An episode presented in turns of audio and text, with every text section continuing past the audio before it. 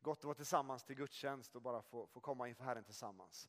Eh, det finns ju kraft att hämta hos Gud. Jag vet inte hur din sommar har varit eller hur din dag är idag. Men eh, det är ju så när vi samlas tillsammans här så får vi slappna av, sänka axlarna och så får vi öppna våra hjärtan. För Gud han är den som vill möta oss där vi finns i våra liv. Han vill tala in i våra liv och när Guds ord får beröra djupet av våra hjärtan så händer det någonting som förvandlar oss.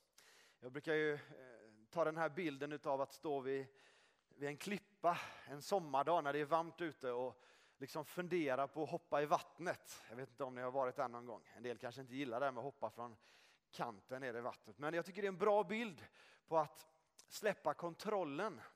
För det är mycket det det handlar om när vi ska lägga våra hjärtan i Guds händer. Man vill ju gärna liksom hålla fast vid det där man har. Även om det är kanske till och med saker som är en viss misär så är man i alla fall trygg med det. Men att lämna saker till Gud det är som att ta det här klivet ut från klippkanten och så bara hoppa och så få känna att det varma vattnet, eller kalla eller vad det nu är, att vattnet omsluter en och man sjunker ner och inser att det här funkade ju, jag överlevde, det var en härlig känsla. Har du aldrig gjort det så gör det så förstår du sen vad jag menar. Men jag tror att vi behöver släppa kontrollen lite när vi kommer till Gud. Vi behöver slappna av och så behöver vi lita på att Gud han är som en härlig ocean utav kärlek som vi kan få bara ta ett kliv rakt ner i den här dagen. Med allt vad vi har i våra liv. Och så kan vi få lita på att han är god nog att bära oss, att omsluta oss, att ta hand om våra liv. Att eh, ge oss det som vi behöver i olika situationer i livet. Jag tror att det är viktigt för dig och mig att träna på det när vi också kommer till gudstjänst. Att släppa kontrollen, att våga öppna våra hjärtan. Om det nu handlar om att göra någonting fysiskt, falla ner på knä eller gå fram till förbön eller sträcka sina händer eller knäppa sina händer eller vad det nu är för sätt att uttrycka. Men Gud har ju faktiskt gett oss kroppar som är en del av det vi har att tillbe med. Eh, så, så därför så är det viktigt att vi får slappna av tillsammans och veta det att Gud är god. Det här är en kristen familj, vi är en kyrka, vi är inte någon institution av perfekta människor utan vi är mer som ett sjukhus än som, en, som en, liksom en, någon form av helig eh, perfekt skara. Ja, heliga är vi för att han har gjort oss heliga, men inte för att vi tror att vi är perfekta. Utan vi är människor som är som en familj tillsammans där vi får slappna av, vi får möta Gud ihop och han tar oss framåt när vi lämnar oss till honom. Jag, skulle, det här ordet som Maria läste idag ifrån Jesaja 61, det är min predikotext och det jag ska utgå ifrån. Och vi ska stanna i den här texten där det står att Herrens ande är över mig. Han har smort mig, sänt mig att förkunna ett, ett budskap som innebär frihet för de fångna och så vidare. Vi ska gå till den här texten alldeles, alldeles strax. Men de här orden som Gud på olika sätt ger dig och mig, det är dynamit för våra liv när det får eh, beröra oss, när vi får ta emot det. Så kan det ge oss liv, det kan ge oss kraft, det kan förändra saker i oss på riktigt. Och rubriken på min predikan är just på riktigt. Eh, kanske lite grann för att jag, vi skojar lite om det hemma i vår familj ibland. Jag har ju fyra barn hemma, vi har fyra barn hemma och de börjar ju bli stora. Inte bara jag som är stor, utan de är också större än vad de har varit, konstigt nog. Och, eh, ska inte nämna någon då eh, vid namn, för det kan vara jobbigt att hänga ut sin dotter, men det är vår näst äldsta. Eller, nej, ja. eh, hon säger ofta det när vi, när vi säger saker eh, som man kanske driver med lite, så säger men på riktigt, säger hon. Man kanske skämtar om någonting eller man eh, ifrågasätter någonting. Du vet sådär som en förälder kan göra. Har du städat ditt rum? Men på riktigt, jag har ju sagt att jag ska göra det, säger hon. Så på riktigt. Ja. Och så börjar man driva med henne om killar och så, då säger hon också på riktigt. Men eh, man ska liksom någonstans ställas inför, har du inte fattat? På riktigt pappa, du vet ju, du kan lita på mig. Och, och, jag tänker någonstans där att jag tror att vi människor, vi behöver bli på riktigt. Vi behöver slappna av och vara äkta. Ibland får man vara transparent med saker som inte är riktigt perfekta i ens liv och det är rätt skönt att vara det och inse att man är människor tillsammans. Eh, men jag tror att du och jag, vi är ganska trötta på saker som är påklistrade och som bara är yttre beteenden. Jag tror att människor allmänt sett är lite trötta på yta och fasader. Jag tror att man längtar efter det som är på riktigt. Det som går på djupet som man märker att det här är liksom autentiskt. Det här människan som säger det menar det. Det här är någonting som, det finns ett liv som backar upp. Det är ungefär som när man, ett av de bättre exemplen det är när man lyssnar på eh, vår nutids kanske starkaste evangelist i, i Sverige, Sebastian Staxet, när han har sitt sommarprat och han berättar om från ljus till mörker och man vet att hans liv är ett liv som verkligen, det finns en, en story bakom som man inte kan förneka. Den har varit offentligt destruktiv, men nu är den offentligt väldigt förvandlad och positiv och den påverkar. Det behöver vara på riktigt det som händer i vårt liv. Även om vi inte har en sån berättelse så har vi en annan berättelse och den behöver vara äkta. Den behöver få vara sann. Jag, jag, tänker att vi ska, vi ska gå till de här orden som Maria har läst en gång nu och så ska vi läsa dem en gång till. Och så får de liksom, det är ju nio verser här som, verser här som får eh, eh, liksom landa i våra hjärtan. Jesaja 61. Jesaja är ju en bok som har skrivit, är skrivit flera hundra år tidigare än Kristus. 500, 600 någonting före Kristus är ju den här texten liksom daterad ifrån. Eh, och, och det här syftar ju fram på det som Jesus sen, vi ska komma till det, plockar upp när han börjar förkunna evangelium, när han börjar predika de goda nyheterna, så plockar han ju upp just den här texten. Och Jesaja han säger så här, Herren, Guds ande är över mig. För Herren har smort mig att förkunna glädjens budskap för de ödmjuka. Han har sänt mig att förbinda dem som har förkrossade hjärtan. Inte de som är perfekta, utan de som har förkrossade hjärtan. Och utropa frihet för de fångna. Eh, och befrielse för de bundna. Att förkunna ett nådens år från Herren och en hämndens dag från vår Gud. Att trösta alla sörjande, att ge de sörjande i Sion huvudprydnad istället för aska. Glädjens olja istället för sorg. Lovsångsdräkt istället för en mordfälld ande. Och de ska kalla, kallas rättfärdighetens terebinter, planterade av Herren till hans förhärligande. De ska bygga upp gamla ruiner, upprätta det som legat öde, förelegat öde. De ska bygga upp ruinstäderna igen, platser som varit öde, generation efter generation. Främlingar ska stå och valla era jordar, utlänningar sköta era åkrar och vingårdar och ni ska heta Herrens präster. Man ska kalla er vår Guds tjänare, ni ska få njuta av hedna folkens skatter och ståta med dess, deras härlighet. Ni ska få dubbelt igen för er skam och de som förödmjukades ska nu jubla över sin del. Därför ska de få dubbel lott i sitt land, evig glädje ska de få. För jag, Herren, älskar det rätta och hatar orättfärdigt rofferi. Jag ska ge dem deras lön i trofasthet och sluta ett evigt förbund med dem. Deras släkte ska vara känt bland folken och deras avkomma bland folkslagen. Alla som ser dem ska förstå att det här är, ett, är det släkte som Herren har välsignat. Nådens år ifrån Herren, ett budskap av frihet. Det är fantastiska ord som är profetiska inför Jesu tjänst, det som han kom hit till jorden för att predika om, för att göra, för att verkställa.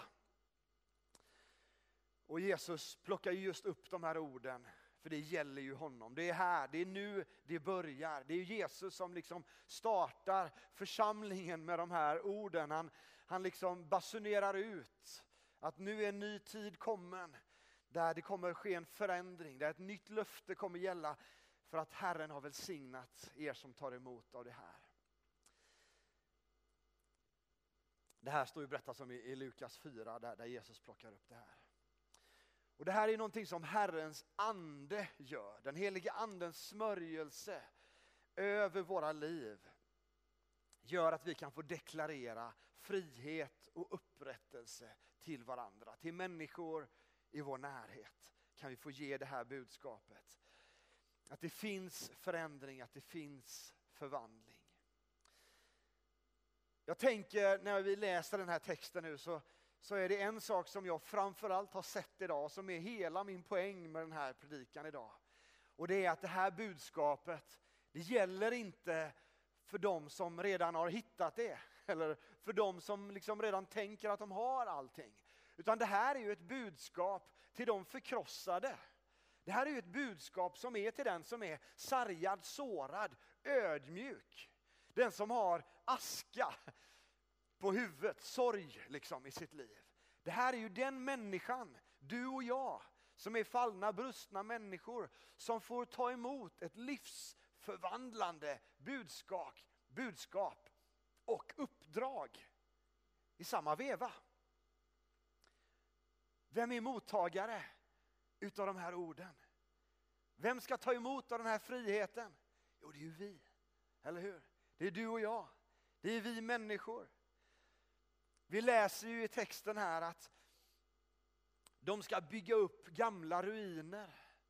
Någonstans ett uppdrag att uträtta, någonting att göra som ska innebära en revolution och någonting som blir återupprättat och någonting som blir helat, någonting som får ge läkedom till folken. Vilka är det som ska göra det? Är det de som har hittat det? Är det de perfekta?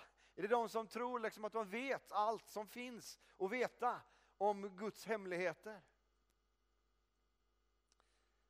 Vilka är det som ska bygga upp ruinerna och bli Herrens präster?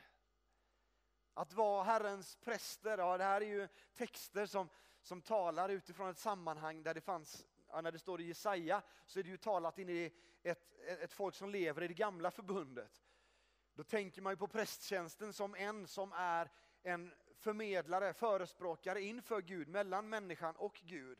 Och som gång på gång liksom får offra för folkens synder. Det är ju den liksom personen som någonstans förmedlar kontakten med Gud. Och här säger han då att, att de ska bli Herrens präster. De ska bli de som står i direktkontakt med Gud. Och allt det här därför att Herren har välsignat dem. Det ligger inte då så mycket på folket själv, utan det ligger på Herrens välsignelse. Vad Gud faktiskt har dukat upp och vilket erbjudande han har gett oss att ta emot utav. Vilka är det som blir använda i de här orden? Jo, det är de ödmjuka, de förkrossade, de som då är fångna. Eller har varit liksom i, i bojor bundna. Det är de som har sörjt och som lever i sorg. Och som har brustet mod. Och hur många av oss kan inte känna igen oss i den bilden när vi är modlösa, när vi känner att vi inte riktigt har full seger. Då finns det hopp för dig och mig. För det är vi som ska bygga upp ruinerna. Det är inte någon annan.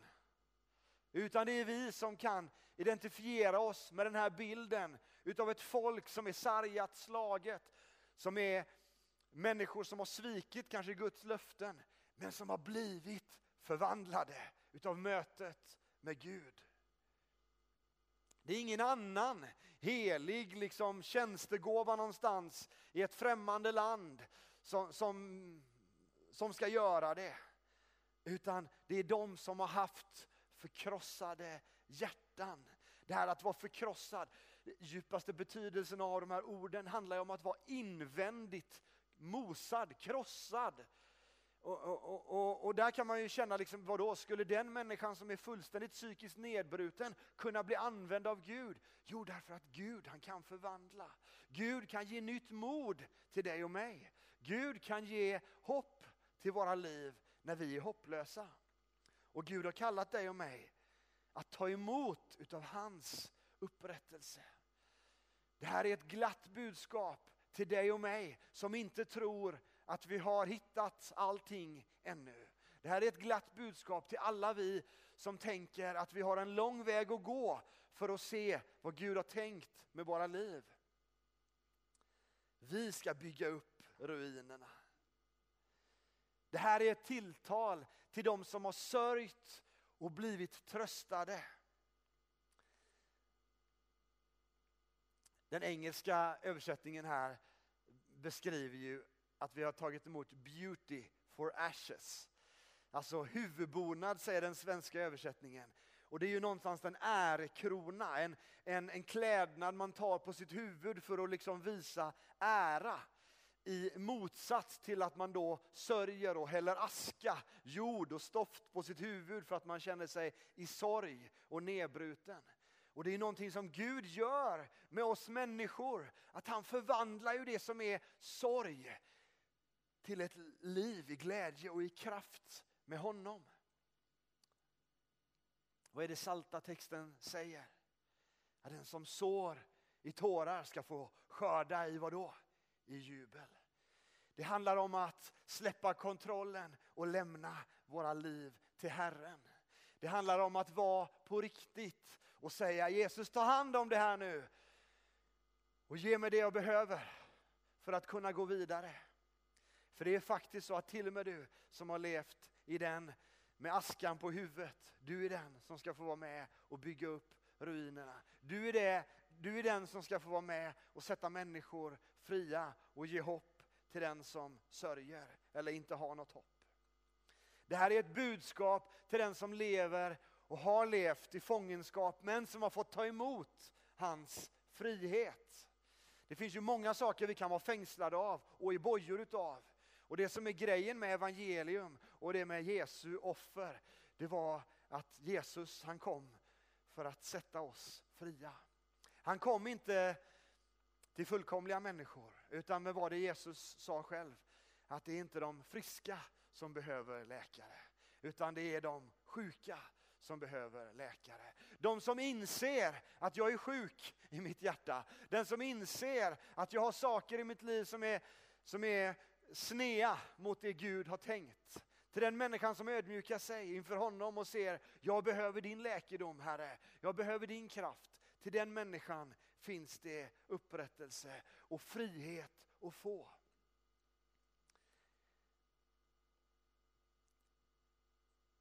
Det finns ju som sagt många saker som vill binda oss människor. Vi lever ju i ett västerländskt samhälle som mer eller mindre förnekar att det finns en andlig verklighet, men det gör det ju. Det är bara att djävulen förklär ju sig i massa olika saker. Men det är viktigt för dig och mig att veta det, att den striden vi har att kämpa, det är inte en strid emot kött och blod, utan det är en andlig strid som du och jag strider. Det är ju skriften väldigt tydlig med. Och därför så är det också viktigt att veta att det finns frihet ifrån andligt förtryck för oss människor. Jesus han dog för att göra oss fria, för att sätta de fångna fria. Och det finns ju också en andlig verklighet som vill binda och, och begränsa oss människor. Och vi behöver lämna allt till Herren, för han kan sätta oss fria. Det finns ju de som skrattar åt det när man nämner att det finns eh, en, en andlig, andlig värld. Men det vet ju vi att det är inget att skratta åt. Vi vet ju tvärtom att, att Kristus har kommit just för att vi ska känna oss trygga att leva tillsammans med honom vad vi än möter utav djävulens attacker på olika sätt. Det finns frihet och det finns seger i Jesu namn.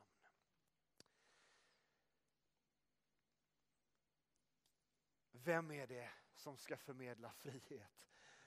till våra medmänniskor, till sina medmänniskor. Det är den som har haft en modfälld ande, men som har fått ta emot en klädnad av lovsång. Och Det finns ju så många saker i vår samtid som vill trycka ner oss. Det finns ju så mycket saker också som psykiskt stressar och, och påfrestar oss människor idag. Lärjungarna var ju utsatta också för massa olika psykiska påfrestningar i sitt lidande för evangelium. Och någonstans när vi läser berättelsen om lärjungarna i Apostlagärningarna, när de har blivit tillfångatagna och sitter liksom fastbundna till händer och fötter i en mörk cell och är, skulle kunna varit djupt eh, deprimerade över att de inte ser någon utväg så vet de att enda utvägen ur det här, Det är den frihet som Kristus har gett oss. Och så sitter de och har lovets offer. De sitter och lovsjunger i fängelsecellen och Guds ande får befria dem så att bojorna brister i fängelsecellen. Och Det där är en bild för vad som kan få hända också med du och jag. Inte så att vi ska förneka att vi mår dåligt, men det kan få bli en källa som får bli planterad i dig och mig. Som väller fram med liv, hur mycket än som ansätter oss människor. Att vi kan få lovsjunga Gud mitt i misären. Vi kan få säga till Jesus, tack Gud att du är med mig, även om det här är jobbigt. Så vill du ge mig kraft och så får vi tacka Gud för att han finns där mitt i vårt mörker. Och när vi väljer lovsångens och tacksägelsens väg, en klädnad av lovsång, så finns det en frihet, så finns det en källa som väller fram, som är bortom vad du och jag kan klämma fram i oss själva, utan någonting som Guds ande gör i oss människor, för att han har satt oss fria. Du och jag kan få vara på riktigt. Vi kan få vara äkta människor med fel och brister men överlåtna till honom för att göra gott givetvis. Vi bekänner oss inte till våra brister så att vi vill fortsätta att leva i dem utan vi vill ju gå vidare framåt tillsammans med Guds kraft och göra det som är gott och det som är rätt. Men ibland kan vi diskvalificera oss själva och därmed också diskvalificera hela vår kristna gemenskap eftersom vi är av samma kött och blod allihopa. Att vi tänker att det är något skamligt att ha det kämpigt och att vi liksom låter ytan istället vara det som syns för varandra. Men det är ju faktiskt så att Gud har ju valt att använda människor som dig och mig. Gud har valt att använda människor som dig och mig. Jag kanske skulle göra som vi gjorde på ungdomshelgen här, som vi hade nu i dagarna. Vi hade med oss lite godis, jag och Sixten. Och vi tänkte vi skulle skoja till det lite. Det fick inte helt rätt effekt kan man säga. Men, men eh, det blev lite så, man skulle slå upp lite saker och så fick man en klubba och så. Och så men det liksom skena iväg lite, så det blev att man fick både amen och halleluja bara för att få en godis. Och det är ju inte riktigt så vi ska jobba kanske. Men det här är ett glatt budskap som nästan är som att kasta ut en godis till er. För Gud har valt att använda dig och mig. Gud har valt att använda bristfälliga människor. Även oss som har det kämpigt. Gud diskvalificerar inte dig bara för att du har jobbiga omständigheter i livet. Utan mitt i allt det så säger han, jag går med dig. Det var för dig jag gav mitt liv. Det var för din vardag som jag gav av den heliga ande. För att jag ska få vara kraft i dig. För att jag ska få vara förmåga som du inte har själv. Jag är din förmåga, säger Herren till dig. Det är inte bättre för dig och mig att låtsas att saker och ting är bra för att liksom undvika att vara en belastning för vårt sammanhang. Gud vill inte ha det så. Gud vill att vi ska få vara en, en äkta gemenskap. Gud blir ju själv aldrig överraskad av vår misär. Eller hur? Det är inte så att Gud sitter där på sin tron och så berättar jag för honom, Gud jag tvivlade igår och så trillar Gud liksom av tronen och bara, hej vad säger du Anders? Nej, utan han vet liksom, jo jag vet att du hade den tanken och jag vill hjälpa dig att tänka framåt. Och så kan Gud tala olika saker till oss. Och om inte Gud blir överraskad av det så behöver inte vi heller vara det. Vi kan vara trygga med att vi vilar i Faderns goda famn. Gud vill att vi ska komma till honom på riktigt, att vi ska ha ärliga hjärtan. Och, och vi ska läsa ifrån Jesajas första kapitel, det blir mycket Jesaja idag här, men han är en eh, skön eh, Herrens profet och en förebild för Kristus för övrigt. Eh, då säger Jesaja så här i det första kapitlet och vers eh, 18, när han talar till folket. Kom, låt oss gå till rätta med varandra, säger Herren. Om än era synder är blodröda så ska de bli snövita. Om de är röda som scharlakan så ska de bli vita som ull. Ull är ju gult, tänker du då? Nej, ull är vitt. ja, vi diskuterar inte det, tror jag inte. Det är inte det som är textens budskap. Exakt, det kan, det kan ju vara smutsigt. När det är rent så är det nog vitt, tror jag. Kom låt oss gå till rätta med varandra. Gud säger det. Kom så gör vi upp. Kom låt oss göra upp. Hur har du det när du vaknar på morgonen? Vill du göra upp med Gud? Vill du lämna saker till honom? Eller vill du hålla din misär för dig själv? Vill du behålla din skam för dig själv? Det finns frihet att få ifrån all skuld och skam. Kristus har burit den och vi får hjälpa varandra att leva i den friheten. Genom att uppmuntra varandra till att Kristus har segrat. Genom att bemöta varandra så som att Kristus har segrat. Ibland bemöter vi människor precis som att inte Jesus har segrat. Vi tittar snett på varandra och vi ger varandra fördömelse. Men om vi vet att Kristus har segrat, då kan vi ju älska varandra. Kan jag ju säga till Håkan när han möter mig med någonting och säger något som är jobbigt. Men du broder, Kristus är med dig. Jag tror att Gud har en väg framåt i det här för dig. Du behöver inte tycka synd om dig själv i två veckor innan du omvänder dig, utan vi kan få komma till Gud nu. Ja. Kom, låt oss gå till rätta med varandra. Tänk att Gud själv uppmuntrar oss till att liksom säga som det är till honom. Jag älskar mötet som Jesus har med kvinnan vid brunnen. Ni vet Johannes fjärde kapitel. Den berättelsen som vi började det här året med, fast jag blev sjuk så Klas-Anders fick predika. Vi får ta en repris på det nästa år för ni kommer inte ihåg det ändå. Det var ett väldigt bra budskap så jag får ta det i januari här sen. I mötet med den här skamfyllda kvinnan som smyger sig till källan när ingen annan går dit.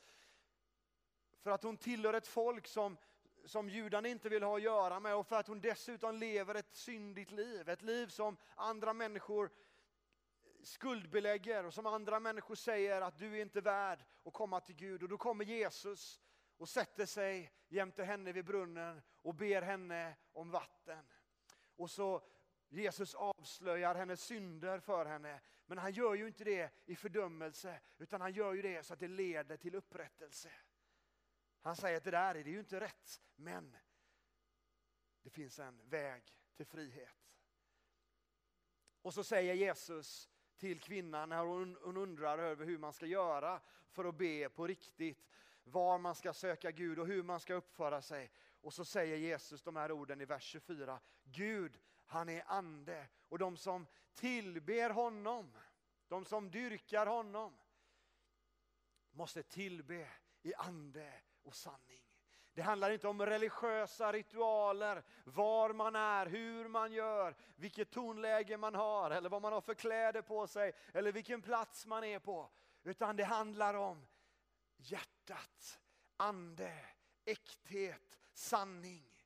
Det handlar om att berätta för Gud på riktigt hur livet är och ta emot det Jesus har gjort för våran frihet.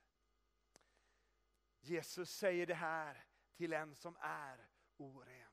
Han säger det till en som ännu inte har tagit emot friheten.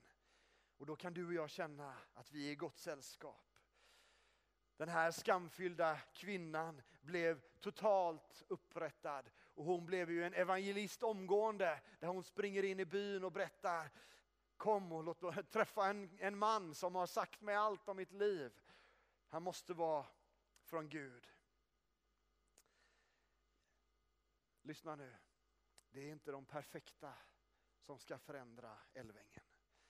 Ale kommun, Göteborg eller Sverige. Det är inte de perfekta som har fått uppdraget och upprätta den här världen. Utan det är du och jag som är äkta människor, överlåtna människor till Kristus. Vi vill att den här församlingens gemenskap ska vara en kyrka där man tidigt i livet upptäcker att här finns någonting som är äkta. Någonting som är på riktigt. Vi vill att barnen som kommer hit, och idag är en lite sommarversion av barnkyrkan, Eh, och nästa vecka förresten börjar barnkyrkan på riktigt. Vi har träff här på tisdag, så vill du vara med och engagera dig så kom och var med på träffen där vid halv sju. Förresten, fick jag gjort lite reklam för det också. Eh, vi vill ju vara en, en, en kyrka som tidigt i livet får människor till att koppla upp emot en äkta gudsrelation. Som inte är religion och religiöst beteende utan som är ett liv tillsammans med Jesus. Som är en vandring tillsammans med en levande Gud där vi får växa steg för steg, där vi får ge kraft och styrka till varandra. Därför längtar vi efter i vårt arbete med barnen och de unga, att de tidigt ska få både få liksom sina sociala eh, behov tillfredsställa, men också sina andliga behov tillfredsställa. Och till och med sina intellektuella behov utav argument för tron. Det behöver man också få ganska tidigt i livet. Man är ju olika. Men från fas till fas i livet så, så längtar vi efter att det vi gör ska liksom ta människor vidare och djupare. När man är barn så får man smak på att Jesus är vägen och att han är en bra kompis och att det är viktigt att älska sin nästa. Och så blir det djupare i nästa steg.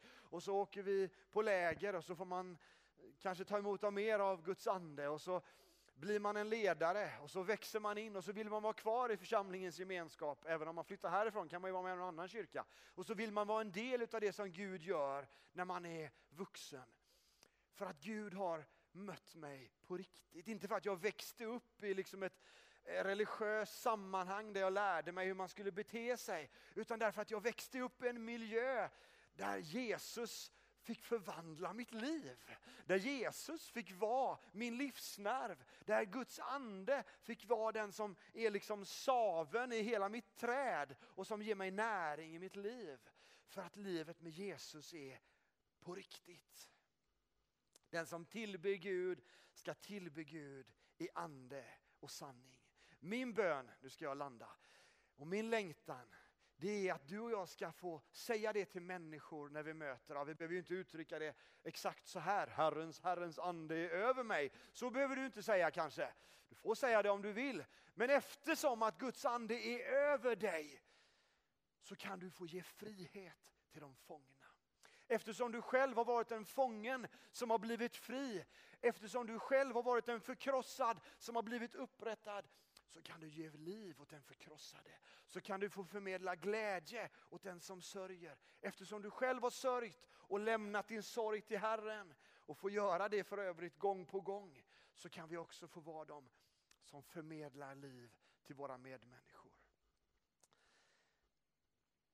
Min bön är att du ska längta efter att imorgon, när det är måndag morgon eller ikväll, är det ju också lika riktigt för övrigt, eller tisdag eller torsdag eller vad den är för dag, så ska ditt liv med Jesus få vara överlåtet honom.